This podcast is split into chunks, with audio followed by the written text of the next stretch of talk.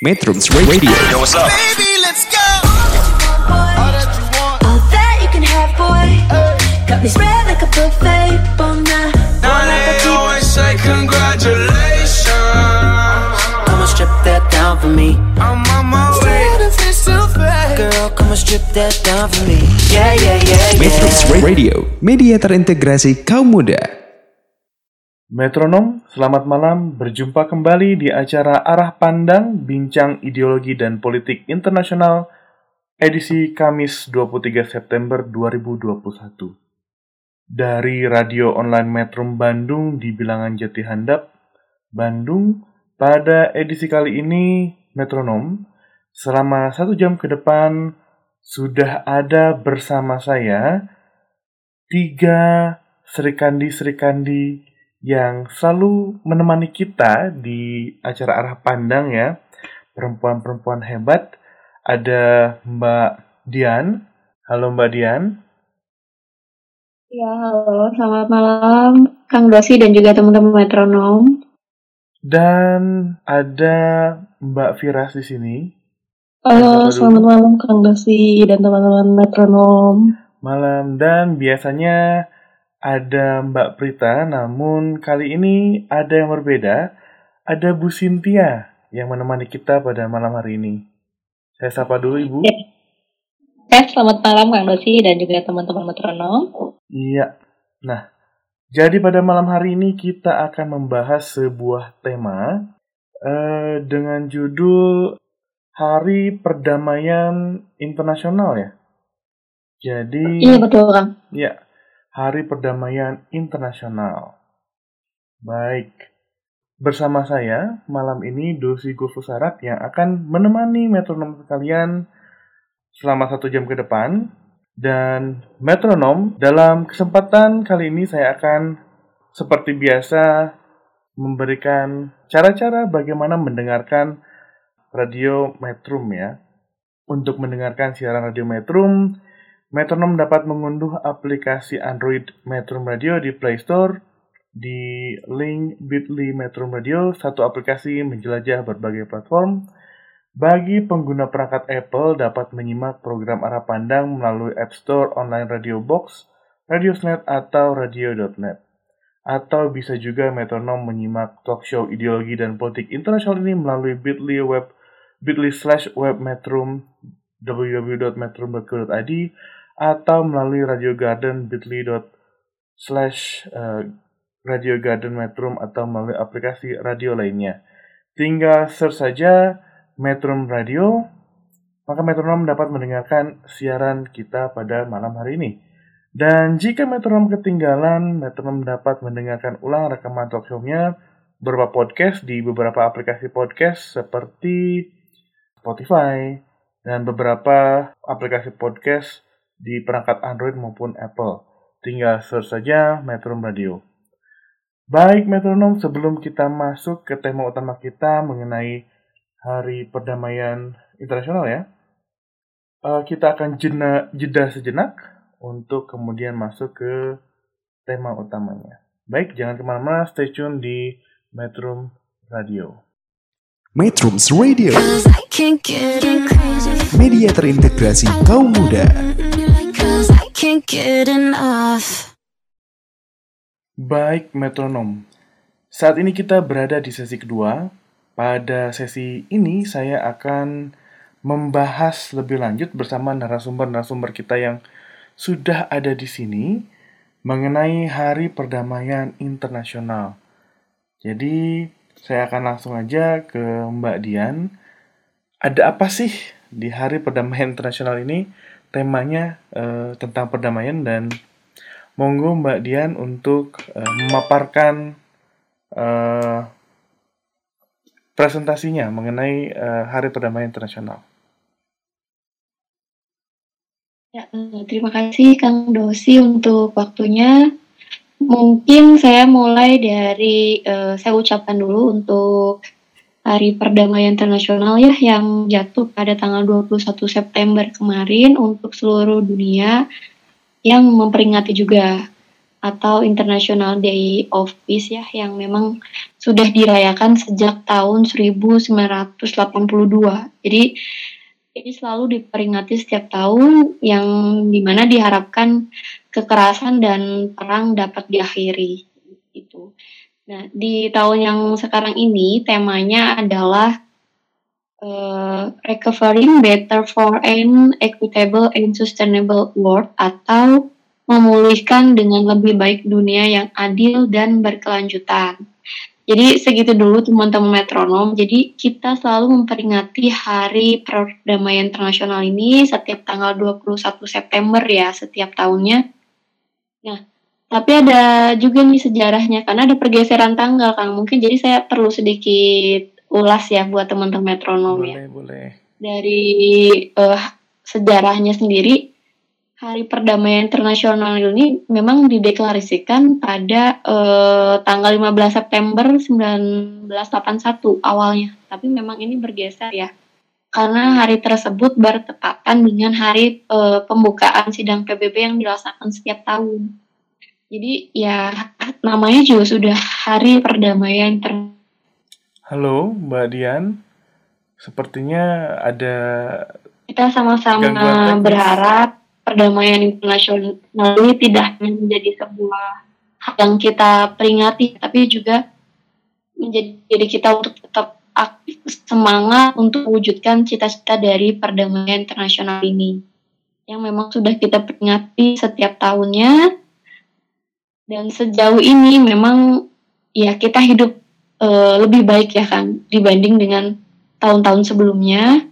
Ya walaupun saat ini keadaan sedang tidak cukup baik ya. Tapi berkat uh, hari tersebut, hidup sebagian besar masyarakat global juga memang sudah membaik dan memang masih ada beberapa catatan di mana memang masih ada beberapa negara yang memang masih melakukan sedikit peperangan ya yang akhirnya memang kita masih sangat-sangat berupaya untuk mewujudkan dan menciptakan dunia yang damai. Seperti itu dan mungkin sedikitnya uh, saya sampaikan juga kalau kita bicara perdamaian berarti kita tuh langsung ingetnya oh perdamaian. Ada salah satu uh, peranan PBB yang namanya itu adalah United Nations Peacekeeping Force atau uh, penjaga perdamaian yang saat ini sebetulnya sudah semakin maju karena beberapa anggotanya itu sudah diisi dengan perempuan-perempuan, Kang. Mungkin segitu dulu, boleh ditanggapi dari teman-teman yang lain, mungkin ada tambahan. Baik, ya. Kalau dari saya sih ya, jadi ingat waktu kuliah dulu, uh, mengenai kuota uh, pasukan perdamaian yang diisi kuotanya oleh perempuan.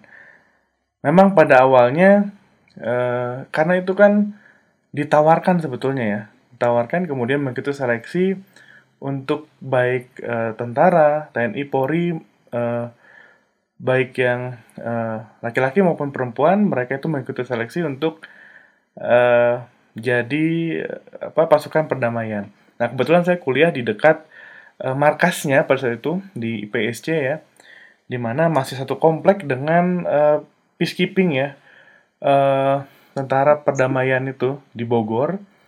Dan ya memang kuota perempuan makin ke sini makin banyak sekali baik dari banyak. TNI maupun Polri-nya. Gitu. Jadi e, sebetulnya kesadaran mungkin ya.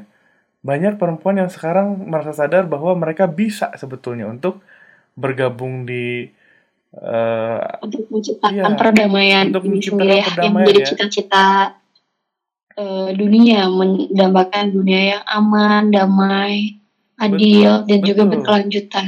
Untuk bergabung ke apa special task force kayak gitu ya, ke pasukan perdamaian itu mungkin makin banyak yang merasa terpanggil gitu ya, karena kalau dulu itu kan memang dari dulu ditawarkan sebetulnya untuk jadi apa ikut uh, pasukan perdamaian, kemudian ikut seleksinya.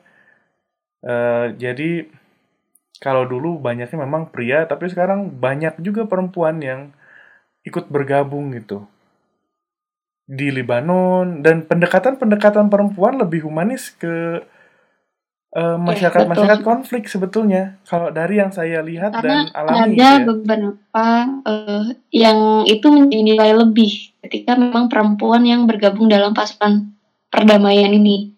Salah satunya adalah karena sifat perempuan ini yang biasanya lebih peka.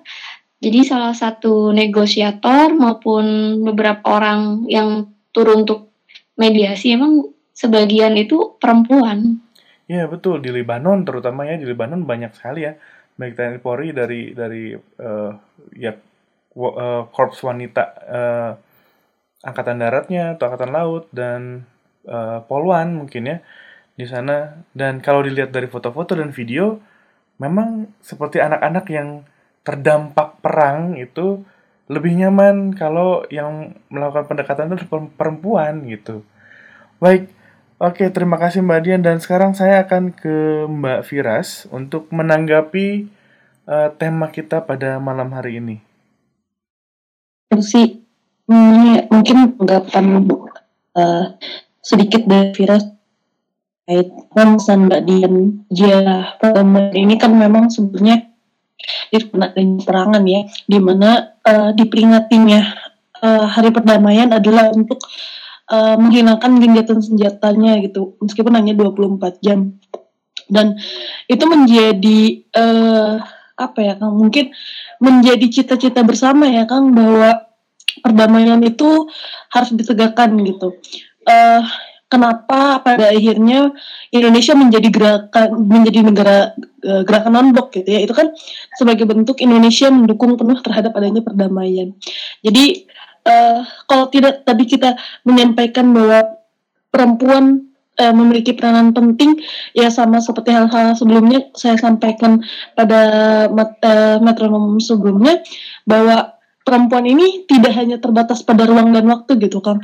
Dengan memiliki sifat-sifat yang tadi ya yang feminim yang bukan feminim menjadi seorang yang harus cantik segala tapi kan feminim itu bisa diartikan sebagai kelembutan.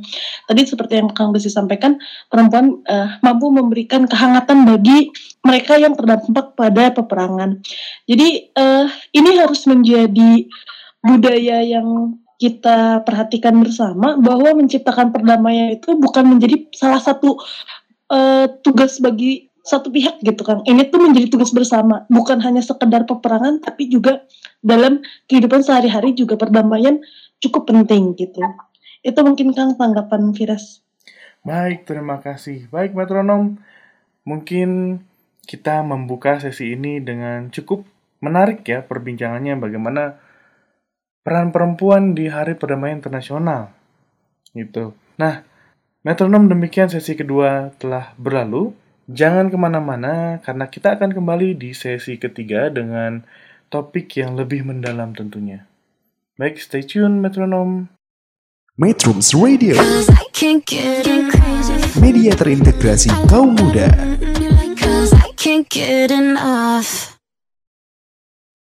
Metronom, kita telah berada di sesi ketiga. Seperti janji saya pada sesi kedua bahwa pada sesi ini kita akan membahas temanya lebih dalam lagi mengenai Hari Perdamaian Internasional. Sekarang bersama saya ada Mbak Firas di sini. Silakan Mbak Firas untuk memaparkan isi paparannya. Eh, terima kasih Kang Dosi bersama. Senang sekali bisa kembali dengan tema yang menarik. Seperti yang sebelumnya dibahas ya Kang, perdamaian itu menjadi perhatian yang menarik ya Kang, apalagi dalam keadaan COVID, kita perlu banyak berdamai dengan berbagai keadaan ya. Kita eh, berjuang untuk bisa menjadi damai. Eh, sesuai namanya kan hari perdamaian dapat dimaknai dengan seksama oleh masyarakat dunia bahwa kita semua ini harus sama-sama berpikir kreatif, kritis untuk menciptakan perdamaian yang adil bagi semua masyarakat tanpa melihat status sosial, jenis kelamin, status ekonomi. Nah, hal ini juga eh, mereka diperjuangkan yang sama lah untuk eh, perdamaian bagi para perempuan yang turut memberikan aksi nyata untuk perdamaian, khususnya bagi negara kita di Indonesia. Eh, walaupun tanpa menyingkirkan fakta-fakta bahwa perempuan masih menjadi ko- korban kekerasan dan menerima beban ganda dalam kondisi konflik, namun eh, di sisi lain juga perempuan menjadi agen penjaga perdamaian.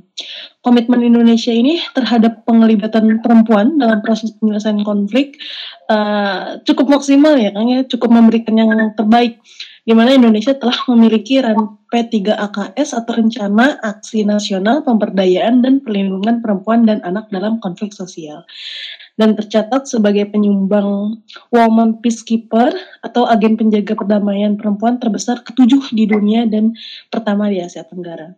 Ini bentuk nyata ya Kang bahwa eh, Indonesia ini untuk menjaga perdamaian eh, nggak main-main gitu.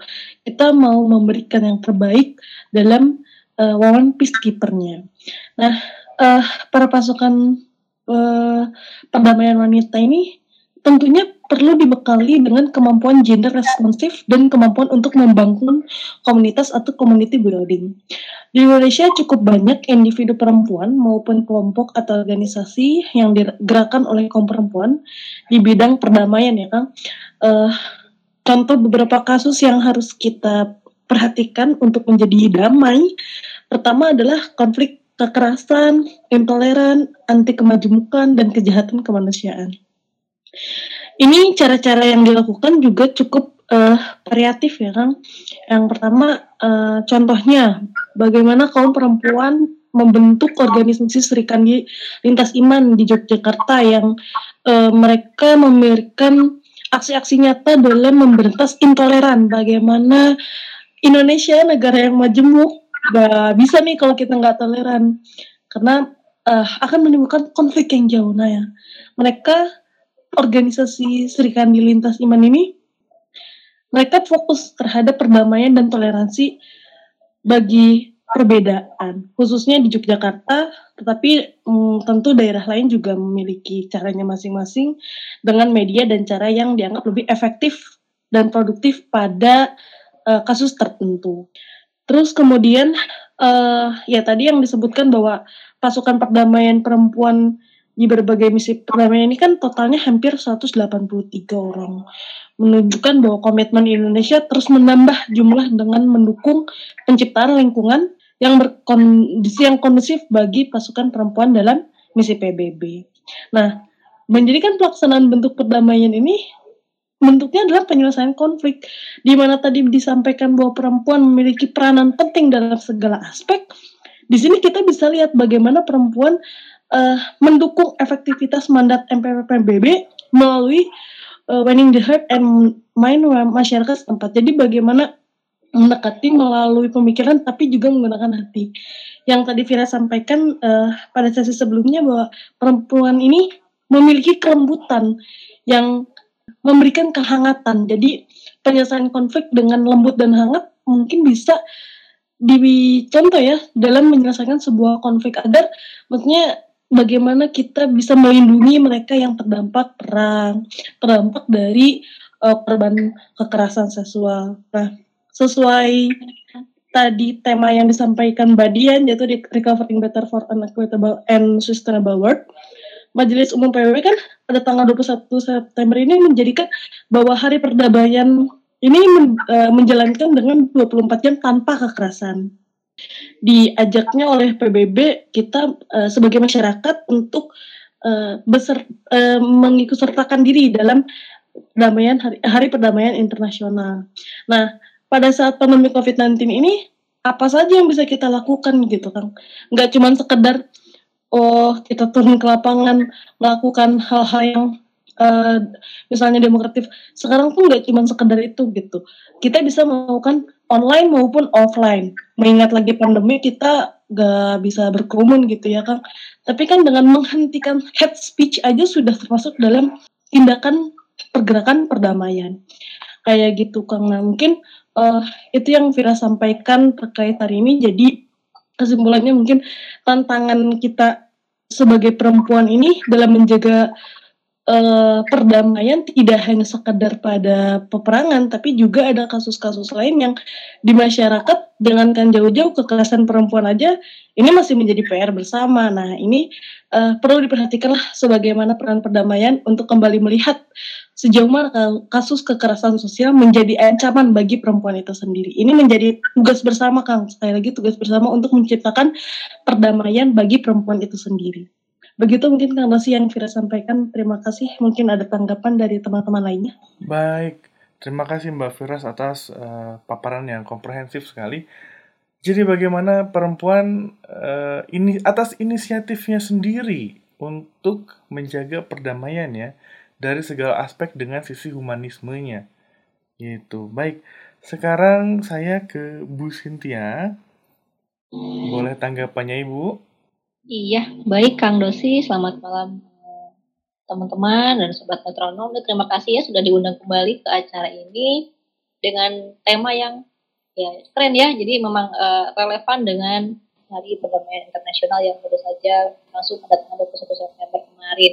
Mungkin saya menanggapi tadi pernyataan dari Mbak Firas betul ya bahwa eh, Indonesia menjadi penyumbang terbesar juga eh, mengirimkan pasukan perdamaian perempuannya. Nah, mungkin ada informasi dikatakan bahwa pada awal tanggal 28 Agustus 2020 Dewan Keamanan PBB eh, mengesahkan secara konsensus resolusi nomor 2538 ya mengenai personel perempuan dalam misi pemeliharaan perdamaian dunia. Nah, di situ artinya eh, Indonesia juga memberikan kontribusi nyata terhadap dunia ya eh, dalam proses diplomasi perdamaian dan juga resolusi tersebut. Nah, ini juga merupakan resolusi pertama dalam sejarah diplomasi Indonesia di Dewan Keamanan PBB. Selanjutnya juga eh, dikatakan juga bahwa perempuan di wilayah konflik memang bisa bertahan gitu ya eh, sebagai orang yang ingin menjaga perdamaian, sedangkan kadang mereka harus meninggalkan keluarga misalkan. Dan itu banyak ya, banyak yang harus mereka korbankan saat ingin menjadi eh, apa anggota perdamaian di luar sana. Namun tidak hanya itu, karena kan jiwa kemanusiaan juga muncul ya. Kita sebagai perempuan melihat korban-korban perang, kebanyakan perempuan, anak-anak perempuan, dan itu perlu tadi betul sentuhan dari seorang perempuan agar pemulihannya bisa segera. Mungkin ini saya e, merangkum ya beberapa hal. Apa sih pentingnya e, perempuan dalam wilayah konflik gitu. Nah di sini saya mengambil beberapa hal dari e, Ivanovic ya bahwa e, peran mereka itu adalah yang pertama memberdayakan perempuan di komunitas tuan rumah. Artinya e, di tuan rumah yang menjadi konflik tersebut perempuan pasti memiliki kekuatan juga sebetulnya asal mereka dimotivasi. Nah peran penjaga perdamaian perempuan ini juga bisa meningkatkan e, motivasi bagi mereka. Lalu yang kedua menangani kebutuhan khusus mantan gerilyawan perempuan selama proses demobilisasi dan reintegrasi ke dalam kehidupan sipil. Mungkin yang tadinya mereka turun ke lapangan gitu kan dicoba ditarik kembali ke kehidupan sipil supaya mereka juga bisa hidup selayaknya lagi dan bisa membantu juga teman-teman lain yang memang membutuhkan bantuan untuk pemulihan tadi. Selanjutnya yang ketiga, membantu membuat pasukan penjaga perdamaian dapat didekati oleh perempuan di masyarakat. Karena tadi pendekatan e, perempuan oleh perempuan itu akan lebih mudah. Mungkin kan kadang ada hal-hal yang sensitif yang mungkin mereka tidak terbuka jika yang bertanya laki-laki. Nah, kalau sesama perempuan kan kita akan lebih terbuka karena merasa e, dirinya sama dengan yang kita ajak bicara seperti itu. Nah, lalu juga pada akhirnya ini tujuannya adalah mewawancarai para korban kekerasan berbasis gender. Karena ini ranahnya sangat sensitif biasanya saat kita ingin bertanya juga kan pasti, aduh ini e, layak ditanyakan tidak. Nah, jika berbicaranya dengan sesama perempuan kan minimal bisa menutup lah apa yang sekiranya harus tidak harus dipublish seperti itu. Lalu juga yang kelima membimbing taruna perempuan dalam akademi polisi ataupun militer. Nah kan pembimbingan juga walaupun laki-lakinya turun tangan, cuman ada ranah di mana memang harus perempuan lah yang dan yang terakhir itu berinteraksi dengan perempuan dalam masyarakat di mana perempuan dilarang berbicara dengan pria karena ada negara ya negara yang ada batasannya bahwa e, mereka dilarang berinteraksi dengan e, laki gitu.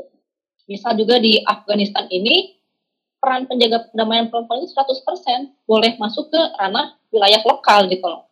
Mungkin ini keuntungannya ya. Jadi e, memang sangat besar sekali e, apa ya jasa dari para perempuan ini di ranahnya konflik. Jika dulu mungkin kita biasa bicara konflik itu eh, perang damai, yang itu laki-laki lah ranahnya, ranahnya hard power gitu ya. Kalau sekarang kan tidak seperti itu, bahwa eh, soft power itu malah lebih diutamakan karena yang namanya perang damai itu ya pasti mem- memunculkan banyak korban lah ya. Dan itu kan jika terus-terusan digunakan hard powernya ya keduanya akan hancur lama-lama gitu. Nah sehingga di sini dikaitkan juga tadi dengan eh, pandemi seperti ini saat ini betul bahwa yang namanya apa ya perdamaian itu harus dijaga apalagi kadang antara pemerintah dengan masyarakat terjadi perbedaan pendapat ya saat pemerintah memberikan kebijakan Pak masyarakat tidak mendukung dan lain sebagainya. Lalu juga tadi ada head speech segala macam itu memang harus dihindari karena kalau kitanya bisa berdamai terutama sih sekarang berdamai dengan hati ya Kang ya. Karena kadang kita eh, inginnya seperti ini tapi ya gimana kondisinya kan belum bisa memaksakan diri apalagi ibu-ibu ya tadi ya dengan peran gandanya.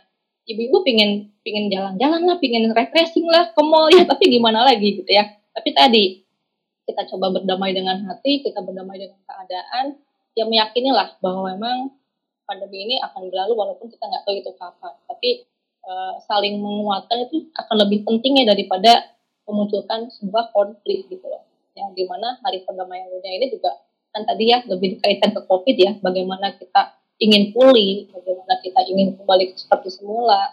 Sekarang juga anak-anak sudah mulai sekolah kan ya? Ya. Eh, beberapa sekolahan sudah mulai membuka. Itu kan juga semua pihak lah sudah mulai berdamai dengan keadaan sebetulnya dengan berbagai macam prokes yang harus dipenuhi jadi ya mudah-mudahan lah momen ini bisa menjadi apa ya trigger lah supaya kita bisa lebih berdamai dengan apa pun yang memang terjadi dan tidak bisa kita prediksi saat ini. Mungkin seperti itu, Kang. Baik, terima kasih Ibu. Jadi memang menarik sekali pe- perbincangan kita pada malam hari ini. Namun sesi ketiga harus berlalu dan kita akan membahas tema ini lebih lanjut di sesi keempat. Jangan ke mana-mana dulu, sampai jumpa di sesi keempat. Stay tune di Metro Radio. Kita berjumpa lagi di sesi keempat. Metrums Radio, media terintegrasi kaum muda.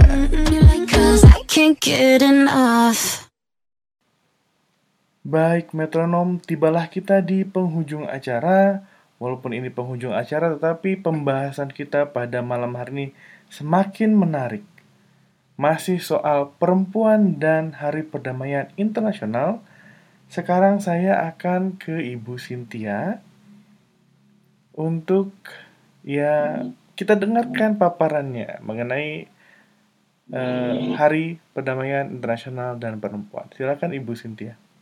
Baik, terima kasih Kang atas waktunya. Oke, selamat malam. Oke, kalau kita bicara Hari Perdamaian Internasional ya, mungkin tadi di sesi sebelumnya sudah disampaikan bahwa kita harus berdamai dengan hati gitu ya, berbagai berdamai dengan kondisi atau keadaan yang ada. Cuma kita kembali dengan tema yang diusung oleh PBB tadi ya. Jadi bagaimana perempuan itu dilibatkan dalam ranah konflik seperti apa sih gitu ya. Nah, ini mungkin saya menambahkan juga bahwa ada pernyataan dari Hillary Clinton ya mengatakan bahwa kebijakan luar negeri sebuah negara itu sebetulnya dapat membantu mencegah konflik dan kekerasan secara global. Nah, dari beberapa penelitian juga menyebutkan bahwa eh, secara konsisten ya menunjukkan bahwa kesetaraan gender itu berkontribusi pada upaya perdamaian maupun berkurangnya tindak kekerasan dan pelanggaran hak asasi manusia. Nah, artinya memang eh, kita bicara perdamaian dunia, kita bicara mengenai apa eh, konflik, peperangan dan segala macam itu pasti juga kembali kepada kebijakan luar negeri sebuah negara. Bagaimana mereka melibatkan perempuan dalam eh, mengeksekusinya seperti itu. Selanjutnya juga eh, di sini dikatakan juga eh, ada ya kalau di pasukan perdamaian itu dikatakan eh, female blue helmet ya. Jadi mereka memiliki peran eh, dalam upaya perdamaian dunia itu terutama dalam mempromosikan hak asasi manusia dan mendorong keikutsertaan perempuan dalam kedua proses itu tadi sebagai penjaga perdamaian dan juga sebagai negosiator seperti itu.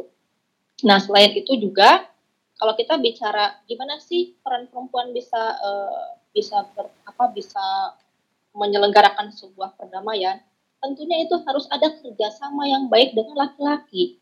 ya karena tidak bisa juga hanya perempuan saja yang bergerak untuk menjaga perdamaian namun laki-laki pun juga harus mendukung nah inilah yang yang yang disebut uh, adanya apa ya kalau kita ya saya sebutkan itu bukan kesetaraan gender ya kalau dalam hal ini adalah pengaruh utamaan gender lah seperti itu ya. Jadi dalam uh, pengaruh utamaan gender itu ada ada dua hal.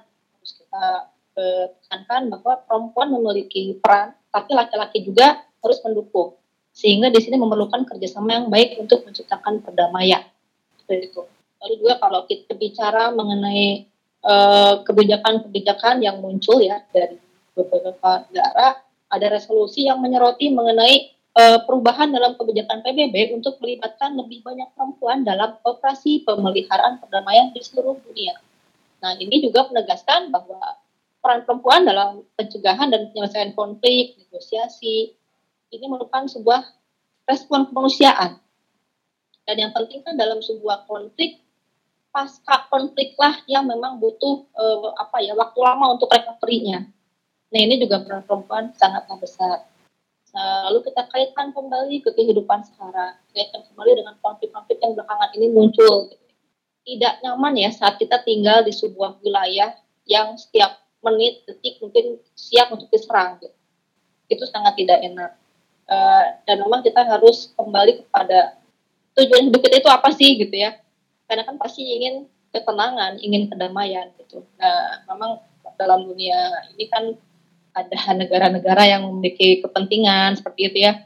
Tapi mudah-mudahan lah ya uh, ada masanya semua negara berdamai, semua negara bisa saling mendukung untuk dunia yang lebih baik, dunia yang lebih tentram, yang lebih nyaman, dan terutama di masa sekarang ini kita fokus untuk penanganan pasca COVID. Karena ini juga e, kalau bicara mengenai COVID itu ya serangannya luar biasa ke berbagai negara gitu kan. Tidak hanya kena satu dua negara tapi semua negara itu kena.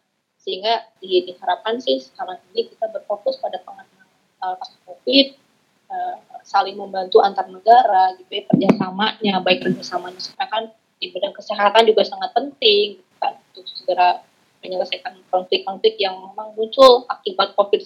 Mungkin itu saja kang. Baik terima kasih Bu Cynthia. Jadi kerjasama uh laki-laki dan perempuan dalam menjaga uh, perdamaian ini sangat penting sekali. Bagaimana ternyata ada hal-hal yang hanya perempuan yang bisa pendekatan humanis yang lebih baik sebetulnya dilakukan oleh perempuan dan beberapa uh, pendekatan yang hanya perempuan bisa lakukan ya. Seperti beberapa negara tadi yang telah disebutkan bahwa ada negara-negara yang hanya mengizinkan perempuan eh, laki-laki tidak boleh berbicara dengan perempuan dan sebagainya akan tetapi laki-laki pun harus mendukung hal tersebut gitu ya. Jadi dibutuhkan kerjasama antar keduanya. Baik, sekarang saya akan ke Mbak Dian untuk tanggapannya. Gimana Mbak Dian?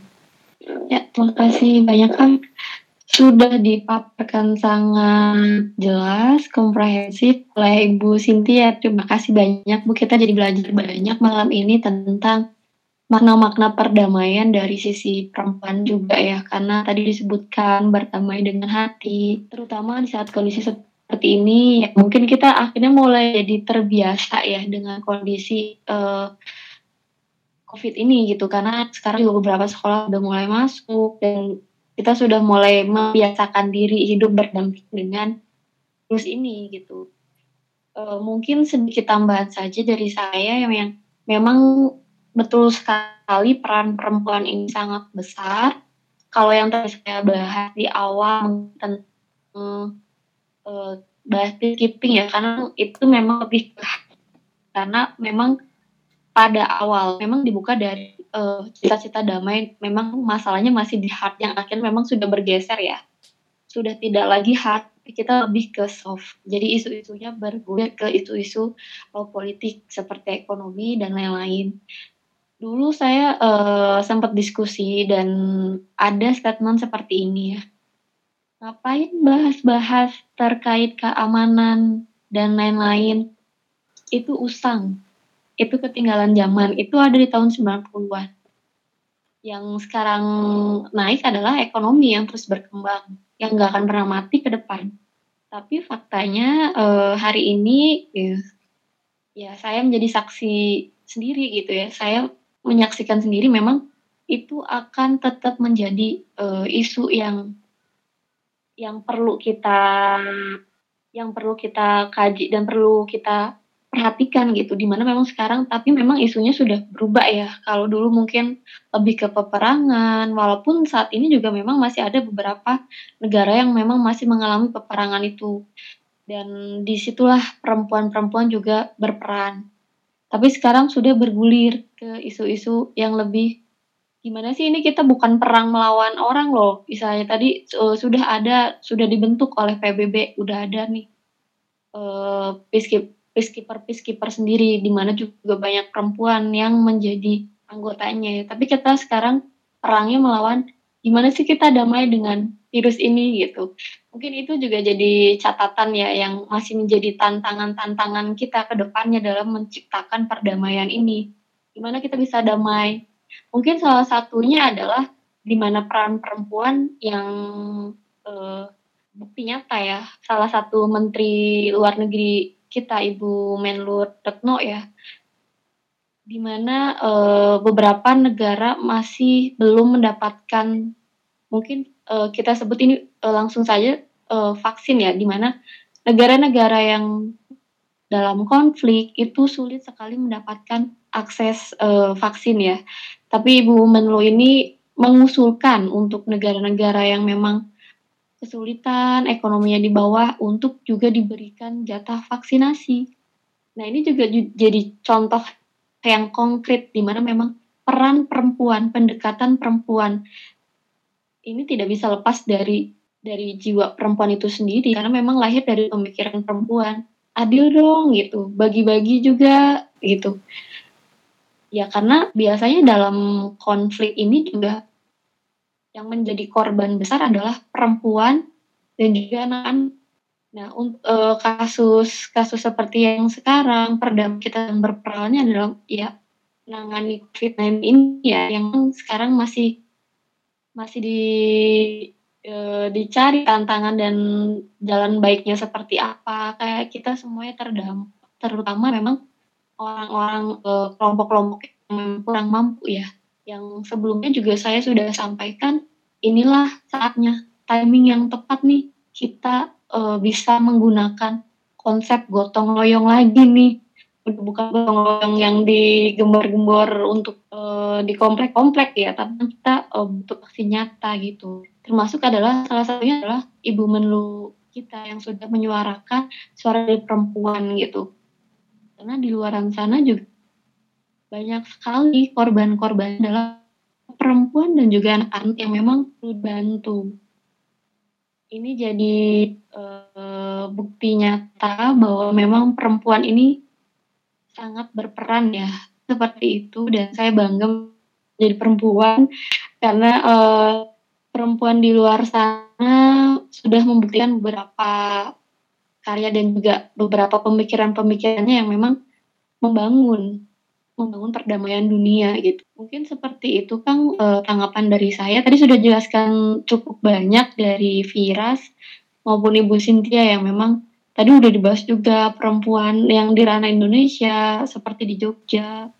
Terus juga mungkin Ibu Sintia sudah menjelaskan tentang eh, batasan-batasan uh, dan bahkan udah ada aturannya ya sudah diatur dalam uh, salah satu klausul di PBB itu. Jadi ya saya rasa memang di hari perdamaian internasional ini ya kita perempuan dan ya bersama laki-laki tentunya kita saling bergotong royong untuk menciptakan dunia yang damai dan adil tentunya di tema yang tahun ini berkelanjutan.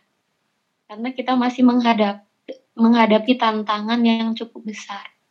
Mungkin itu saja kan Baik, terima kasih Mbak Dian. Boleh sekalian closing statementnya untuk teman-teman metronom yang sedang mendengarkan? Closing statement, aduh saya suka deg-degan kan kalau diminta closing statement. ya, mungkin uh, buat teman-teman metronom ya, ya yang terutama dalam program kita ya, Kang Bincang arah di program arah pandang ini. Jadi untuk teman-teman ya eh, saya rasa memang kita sedang menghadapi tantangan yang sama ya. Contoh untuk teman-teman yang sedang belajar. Jadi tantangan yang sangat besar juga penyesuaian, sistem belajarnya berubah. Ya, tapi tidak menurunkan kualitas belajarnya gitu yang tentu.